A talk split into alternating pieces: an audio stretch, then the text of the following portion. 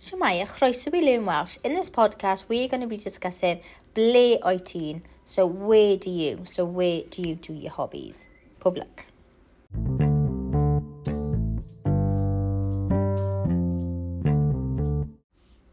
So the question to go with the set of vocabulary um, and phrases is ble o'i ti'n, where do you?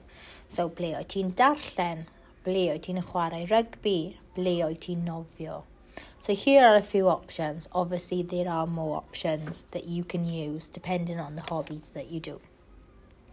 Ysgol, school. Canolfan Hamden, leisure centre. Gampfa, gym. Park, park. Tea bars, outside. Anurti, in the house. A neu clwbiau ieuenctid in the youth club. A neu ganolfan ddringo in the climbing centre. Pwll nofio, swimming pool.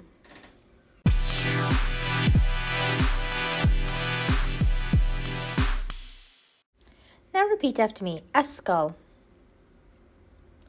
Canolfan Amdden. Gampfa. Parc.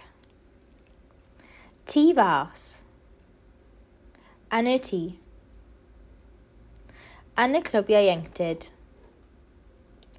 Yn y ddringo. Pwll nofio.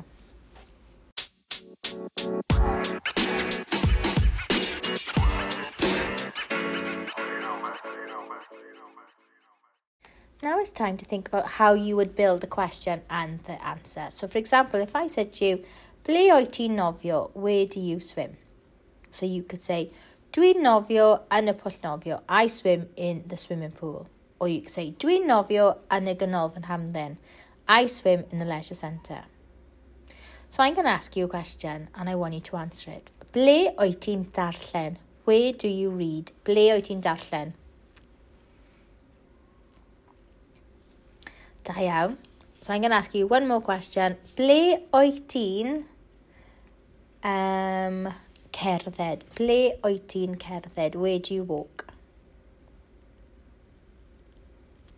Da iawn.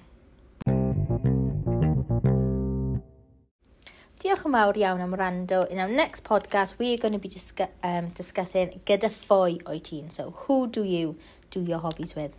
Diolch yn fawr. Hwyl fawr.